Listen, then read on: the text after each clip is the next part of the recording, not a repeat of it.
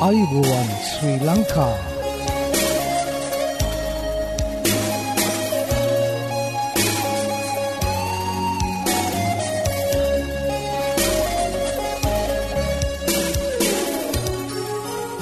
ඔබට සුපදස මේ Adventist World radio බලාපොරොත්වය හඬ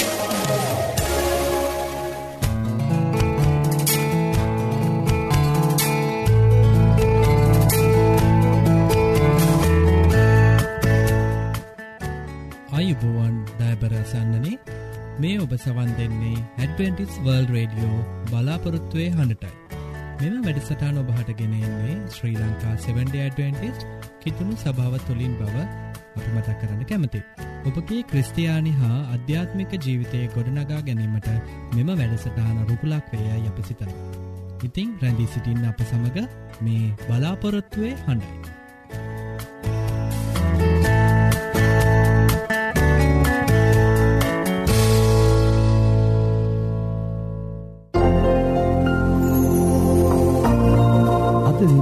බයිබල් පාටය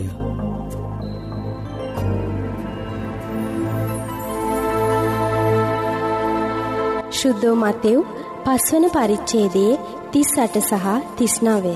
ඇසට ඇසක් කිය, දතට දතක් යයි කී බව නුඹලා අසා තිබේ. නමුත් මම නුඹලාට කියමි. නපුරු අය සමග පොරට නොසිටිල්ලා. යමෙක් නුඹේ දකුණු කම්මුලට ගැසීනම් ඔහුට අනික් කම්මුලද හරවා පන්න.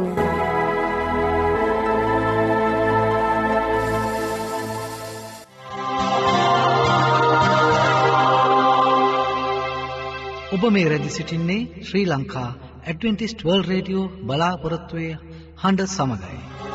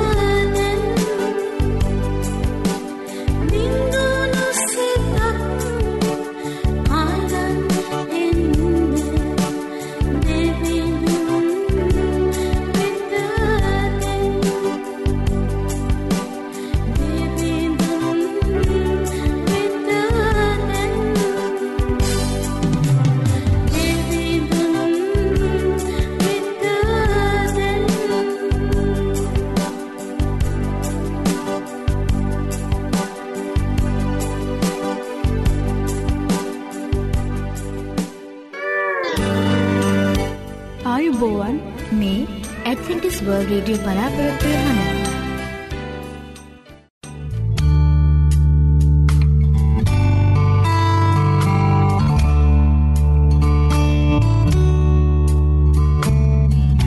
ආදරණී අසන්නනී ඔබලාට ස්තුතිවන්ත වෙනවා අපගේ වැඩසටාන සමඟ රැඳදි සිටීම ගැන ඉතින් මෙදැන් සිට අප ඔබලාට දෙවන් වහන්සගේ වචනය ගැනීමට සූදානම් වී සිටිනවා අද දේවවචනය ගෙනෙන්නේ මචින්ත දේවගෙතිතුමා විසින් ඉතින් ඔබලාගේ ජීවිතවලට නවාරුතක් එක්කරීමට දෙවන් වහන්සේගේ ආශිර්වාද එක් කිරීමට ඔහු විසින්ගේ නා ඔේ දේවචයට අපි අහුන්කම් දෙමු. පැඳී සිටින්න මේ බලාපොරොත්තුවේ හඬයි.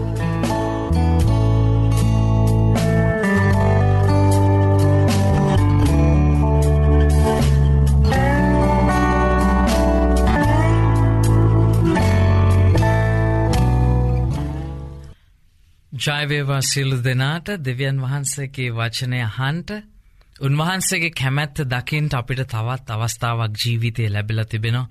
ඉතාමත් සන්තෝස ජනක අවස්ථාවක් මම ඔබට ආරාධනා කරනවා මාත් සමග එකතුවෙන්ට අපි ජේසුට යාඥා කරමු. ආදරණීය ජෙසුනී. ඔබහන්සේගේ වචනය රත්තරංවලටත් වඩා වටිනාව පුදුමාකාර මා හැඟි දෙයක් ස්වාමිනි. ඔබහන්සේ අද මට කතා කරන්නට ඔබහන්සගේ මාර්ගය මට පෙන්වාදෙන්ට. නාසරී ජෙසුස් වහන්ස මාගේ ජීවිතය ඔබහන්සට පාරයි. කතා කරන්නට. ස්තුතිවේවස්වාමනි නාසරී ජෙසුස් වහන්සගේ නාමෙන් අපි මේ දීලා සිටිමු ආමෙන්. අද දෙවන් වහන්සගේ වචනය අපි බලන්ට යන්න දෙවැනි රාජාවලිය හැවැනි පරිච්චේදේ අටේ සිට විසිතුන දක්වා කොටසේ ඉදිරිපත් වෙන්නාව අපූර්ව වූ සත්‍යය කතාන්දරයක් ආශ්‍රය කරගෙන. දෙවන් වහන්සේක වචනය කියවන්න අවතරේදී අපූර්ව වූ සත්‍ය කතාන්දර රාශයක් අපිට හම්බ වෙන විශේෂෙන් පරණ ගියසුමේ සමහරය මේවා කියවල කල්පනා කරනවා උන්වහන්සේ කුරිරු දෙවියන් වහන්සේ කෙනෙද්ද. මේ දෙවියන් වහන්සේ කියන්නේ පුදුමාකාර අමුතු දෙවියන් වහන්සේ කෙනෙක්ද කියලා. අද අපියදේ බලන්ට යනවුන් වහන්සේගේ වචනෙන් මේ පාටය අපි අරගෙන තියෙන්නේ දෙවැනි රාජාවලිය පොතේ හයවෙනි පරිච්චේදේ අටේ සිට විසිතුන දක්වා. ම මුලින්ම කැමති කියවන්ට අටවෙනි පදය. උන්වහන්සගේ වචනය මෙලෙස සඳහන් වෙනවා සිරියේ රජ ඊස්ට්‍රයිල්වරුන්ට විරුද්ධව යුද්ධ කරන විට. තමාගේ සේවකයන් සමග මන්ත්‍රණය කරමින් අසවල් තැන මාගේ කඳවුරු විය යුතුයයි කීවේය. දෙවියන් වහන්සේගේ මනුෂ්‍යයාද සිරියවරුන් අසවල් තැනට බැසයන නිසා ඒළඟින් නොයන හැටියට බලාගෙන බලාගත මැනවයි ඊස්්‍රයිල් රජුට කියා හැරියේය. සහෝදරය සහෝදරය මෙන්න කතාපුවතක් අපිට හම්බ වෙනවා. ඇත අතීතයෙන් කතාපුවතක් ඊශ්‍රායලය හා සිරියාව අතර යුද්ධයක් ඇතිවෙන්ට යන්නාව අවස්ථාවක්. ඊස්ට්‍රයිලය සහ සිරියාව. නොයකුත් අවස්ථාවලදී යුද්ධවලට ගමන් කලා නමුත් මේ විශේෂ අවස්ථාවේදී අපිට හම්බවෙනවා සිරිය රජු බෙන් හදද. බෙන් හද දෙවැනි බෙන් හද තමයි මේ වෙනකොට සිරියාවේ රජකරමින් සිටි. ඔහු කල්පනා කලා අපි ඊස්ට්‍රයිලය අල්ල ගන්ටෝනි. දැන් මෙසේ කල්පනා කරගෙන ඔහු ඔහුගේ සැලසුම් හදන්ඩ පටන් ගත්තා. කුමන්ත්‍රණය කරන්න පටන් ගත්තා. ඔහුගේ රහස් ප්‍රයෝගකාරී ඒ වටලා ගැනීමේ උපක්‍රම තමාගේ සෙන්පතින් සමඟ ජනරාල්වරුන් සමඟ කතිකා කරන්න පටන් ගත්තා. අපි දෙවන් වහන්සගේ වචනය කියවන්නාව අතරේදී මෙවැනි කාරණා කතා කරන්නාව අතරේදී උන්වහන්සගේ වචනය ලියවෙන යෙදුමක් තමයි නිදිහන් ගබඩාවේ සාකච්ඡා කලා. ඒ දෙවන් වහන්සගේ වචනේ නැතම් පරණ ගියසුමේ හම්බෙන්නේ වගන්තිවලදී ඒ නිදිහන් ගබඩාවේ සාකච්ඡාවක් කියලා කියන්නේ ඉතාමත් රහසිගත. සාකච්ඡාවක්. ඉතාමත් විශ්වාසවන්ත අය පමණක් සහභාගි වෙලා කතා කරන රහසිගත සාකච්ඡාවක්. බෙන්හදත් දෙවැනි බෙන්හදත් මෙවැනි සාකච්ඡාවක් තමාගේ සැන්පතින් සමඟ කරනවා. නමුත් මොකද වනේ ඔබ දෙවන් වස්සගේ වචනය ඉදිරියට කියවන්න අතරද ඔබට හම්බ වෙනවා මේ රහස් ඊශ්‍රායලේ රජතුමා ඊශ්‍රායලේ මනුෂ්‍යයන්ට දැනගන්ට ලැබෙනවා. ඔවුන් සැලසුම් කරන්නේ මොකක්ද ඒදේ ඊශ්‍රායිලය දැනගන්නවා. දැන් බෙන් හදත්ට මේක ලොකු ප්‍රශ්නයක්. බෙන් හදත් ප්‍රශ්න කරනවා. ඔවු සියල්ලුම තමන්ගේ නිලධාරයෙන්ව තමන්ගේ චරපුරුෂයන්ව තමන්ගේ සෑමේ සැලසුම් ක්‍රියාත්මක කරන අයව කැඳෝ ලහනවා. මට ප්‍රශ්නයක් තියෙනවා. අපෙන් කවුරු හරි අපිෝ පාවා දෙනවා. ඔහු පුනපුනා මේ ප්‍රශ්නය අසන්නාව අතරෙදි එක හේවායෙක් එක මනුෂ්‍යයෙක් ඉදිරිපත් වෙලා කියනවා ස්වාමිනී තරහවසරයි ඇතරම ඔබ හිතන දේ නෙවෙයි මෙතන සිද්ධ වෙන්නේ මොකද වනේ ඊස්රායලේ මනුෂ්‍යෙක්කින්නවා එලීෂ කියලා මේ එලීෂා අපි හිතන අපි කතා කරන හැම දෙයක්ම ඊස්රායිලයට කියනවා රජුට කියනවා ඒකයි මෙතන තියෙන ගැටලුව. මේ එලීෂ තමයි මේ දේවල් කරන්නේ. දැන් බෙන්හද දෙවැනි බෙන්හදට වෙන විකල්පයක් නෑ ඕ කියනවා කරුණා කරලා වහාම ගිහිල්ලා. එලීෂ වරංගෙන්ට. නැත්තං අපිට කවදාවත් ඊස්්‍රයිලෙන් ගැලවමන්නේ ඊශ්‍රයිලත් එක්ක කිසිම යුද්ධයක් දිනන්ට හම්බෙන්නේ මේ එලිෂ කියන මනුස්සයාව අපි හොයාගන්ටෝනේ. එක මනුෂ්‍යෙක්ව අල්ලගන්න හමුදාවක් යවනවා. මේ හමුදාවක් යවන්නේ එක දෙවියන් වහන්සේගේ මනුෂ්‍යෙක් වල්ලගන්ට සහෝදර සහෝදරිය උන්වහන්සේගේ වචනය තුළ මං කියන්ට ඕනේ ඔබ දෙවියන් වහන්සේගේ මනුෂ්‍යෙක් නං ඔබ දෙවියන් වහන්සේව පෞද්ගලිකව දන්න මනුෂ්‍යෙක් නං හමුදාවක්කාවත් ඔබව අල්ලගන්ට බෑ හමුදාවක් ගෙනාවත් ස්වාමින් වහන්සේට පක්ෂපාති උන්වහන්සේ සමඟ පෞද්ගලික සම්බන්ධතාවයක් තිබෙන්න්නාව මනුෂ්‍යයා බලවන්ත කෙනෙක්. ඒක මුළු ලෝකයා.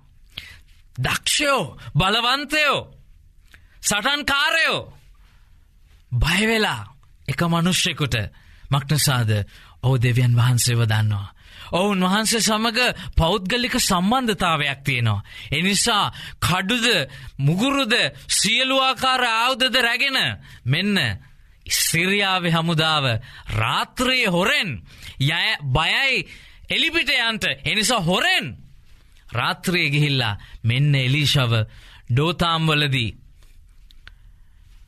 වටලනවා රාත්‍රී එලිෂ දන්නෙත් නෑ එලිෂා එලිෂගේ ජීවිතයේ සිසු පරපුරක් බිහිකරපු මනුෂ්‍යෙක්. එනිසා ශිෂ්‍යෙක් හිටියා ඔහු සමග එදා රාත්‍රියත්. උදෑසනම මේ ශිෂ්‍යයා දොරවල් ඇරගෙන එලියට යන්නාව අවස්ථාවේදී මෙන්න ඇඟ කිලිපොලා යන සිද්ධියක් ඔහු දකිනෝ. ඔහු දකිනවා එලිෂාගේ ගේ වට කරලා විශාල හමුදාවක් වට කරලා. නිකමට හිතන්න ඔබ උදෑසනකදී ඔබගේ එදොර ඇරගෙන එලියට යන්න අවස්ථාවේදී ඔබ මේ ආකාරයට විශාල හමුදාවක් ඔබේ ගේ වට කරලා ඒ ආවුද අතැතිව ඉන්නාව අතරේදී ඔබට මොනවගේ හැඟීමක් මොනවගේ අදහස්සක් ඔබේ සිතට පහළවේද ඔබට දැනෙයිද මේ දරුවට හිතාගණ්ඩ බැරිවුණ කෑගැහුණා ඔහු ගිල්ල කිව්වා එලිෂා මගේ ස මගේ ගුරුතුමෙනි ආචාරණී මොකද මේ වෙන්ඩ යන්නේ අපිෝ වට කරලා මෙන්න එලීෂගේ උත්තරය එලීෂ මොකක්ද කිව්වේ එලිෂ කියනවා බය වෙන්ටෙපා බය නොවන්න බය නොවන්න කියලා ඔහු දෙවියන් වහන්සගේ මනුෂ්‍යයා ඒ ගෝලයට පවසනවා. ස්වාමින් වහන්සේ තුළ ඉන්නාව මනුෂ්‍යයන්ට බයවෙන්ට දෙයක් නැහැ. උන්වහන්සේ තුළ අපට සම්පූර්ණ ශක්තිය බලය තියෙනවා. මෙන්න උන්වහන්සේගේ වචනය කියන්නාව කොටස අපි පාලුස්වනි පදේඉඳල කියවනට යනවා. දෙවියන් වහන්සේගේ මනුෂ්‍යයාගේ සේවකයා අලුයම නැගිට පිටතට ගිය කල සමුදාවක් අශ්වයින් හා රත ඇතුව නුවර වටේට සිටිනවා දුටුවේ. එවිට ඔහු අහෝ ස්වාමිනි අපි මක්කරමු දැයි. එලිෂාට කීය. එලිෂාද බය නොවෙන්න මක්නිසාද ඔවුන් සමග සිටින්නන්ට වඩා අප සමග සිටින්නාව සිටින්නෝ බොහෝ අය කීවේ.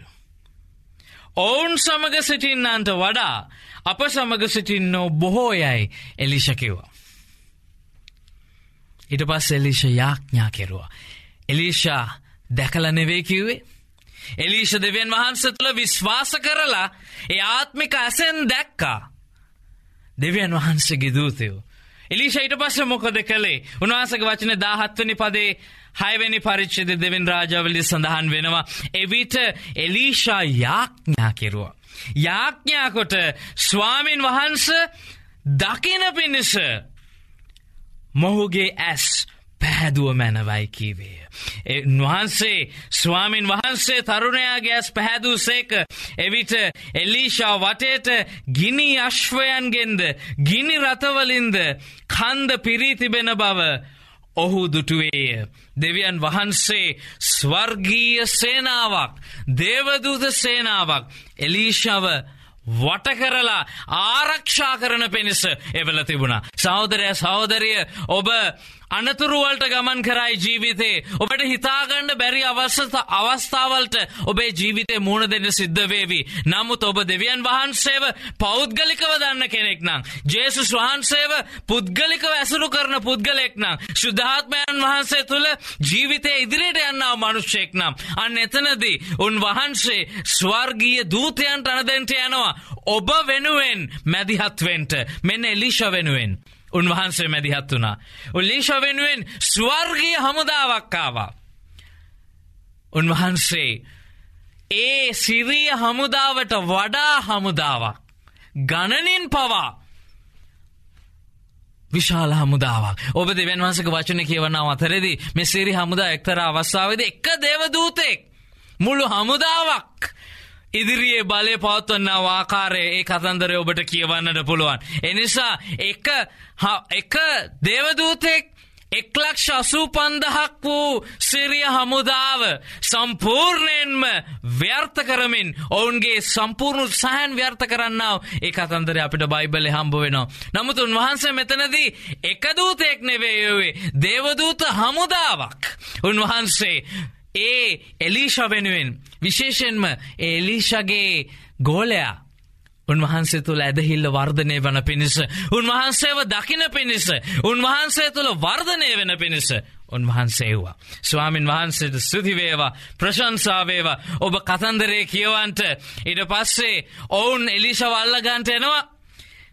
මේ හමුදාව හමුදාව අල්ලගන්ට එද්දී සිරිය හමුදාව අල්ලගන්ට එලීෂ ළඟට ලං වෙනකොට එලීෂ ආයත් යාඥා කරනවා. මෙන්න යාඥාවේ බලය. ඔබ දෙවන් වහන්සේ පෞද්ගලිකව අඳුනනවා නම් කතා කරන්ට ජේසුට. ඕ කතා කරලා කියනො ස්වාමිනි මෝන්ව අන්ද කරන්ට. මොවුන්ගේ කල්පනාව වෙනතකට හරවන්ට. ඒ අවස්ථාවේදී ඔවුන්ට එලිෂව හොයාගන්ට බැරි වෙනවා. එලිෂ කියනවා ඔවුන්ට කතා කරලා හමුදාවට එන්න මම් පෙන්න්නම් ඔබ යන්ට ඕන ස්ථානය. ඔබ හමුවෙන්ට ඕන පුද්ගලයා. එන්ට මම් පෙන්න්න කියලා. ඔහු අරගෙන යනවා. ඊස්්‍රායිලය සමාරයට අගනුවරට. අගනුවරට අරගෙන යනවා මුළු සිරිය හමුදාවම. හිට පස්සේ ඊස්්‍රායිල් හමුදාව මධ්‍යයට තමයි ඔවුන් යන්නේ. මෙන්න රජතුමා ඊස්්‍රායිලය බලාගෙන ඉන්නවා. නොයිසිල්ලෙන් මේක දැකලා ඊස්රායිල් රජතුතුමා එලිෂට කියනවා දැම්මම් පහරදෙන්ටද පාරදෙන්ඩට කියලා. එලිෂ කියනවා පහරදෙන්ට එපා. නමුත් උන්වහන්සට යාඥා කරන ස්වාමිනි මේ මනුෂ්‍යයන්ට දැන් අන්ද වෙලා ආපු අවබෝධයෙන් තොරෝ ආපු මේ මනුෂ්‍යයන්ට කල්පනාවදෙන්ට කියලා. ඒ අය නැවත දකිින්ට පටන් ගන්නවා. ඔවුන්ගේ ඇස්වලින් බලන්ට පටන්ගන්නවා ඔනු වට කරලා හමුදාවක්. නමුත් උන්වහන්සේගේ දාසය කියනවා ඔබට මේ කණ්ඩායමට මේ හමුදාවට ඔබ පහරදෙන්ට අවශ්‍ය නෑ. ඔවුන්ට කෑම මේසයක් පිළියල කරන්නට. මෙන්න උන්වහන්සේගේ දරුවෝ. මෙන්න ජේසුස් වහන්සේගේ දරුවෝ සතුරන්ට පවා පහර නොදෙන්නාව සතුරන්ට පවා ආදරය කරන්නාව දෙවියන් වහන්සේගේ දරුවෝ. සෞදරය සහෝදරය අපි උන්වහන්සේ තුළ මේ පණිවිඩේ තුළ ජීවත්වයමු උන්වහන්සේ කියනවා අපිට කාරණා තුනක් නොදන්නාදේ පෙන්වන්නාව දෙවියන් වහන්සේඋන් වහන්සේ නොපෙනෙනදේ පෙන්වන්නාව දෙවියන් වහන්සේ උන්වහන්සේගේ කැමැත්ත වන සතුරන්ට පවා ප්‍රේම කරන්නාව මනුෂ්‍යයෝ උන්වහන්සේගේ දරුවෝ. ඒ දේ කරන්ට අප සියලු දෙනාට උන්වහන්සේ සෑම කල්හිම ආශිරුවාද කරන සේක්වා සිලු දෙනාටම ජෙසු පිහිටයි. ආයුබෝවන් මේ ඇඩ්ෆිටිස් වර්ල් රේඩියෝ බලාපොරොත්වය හන.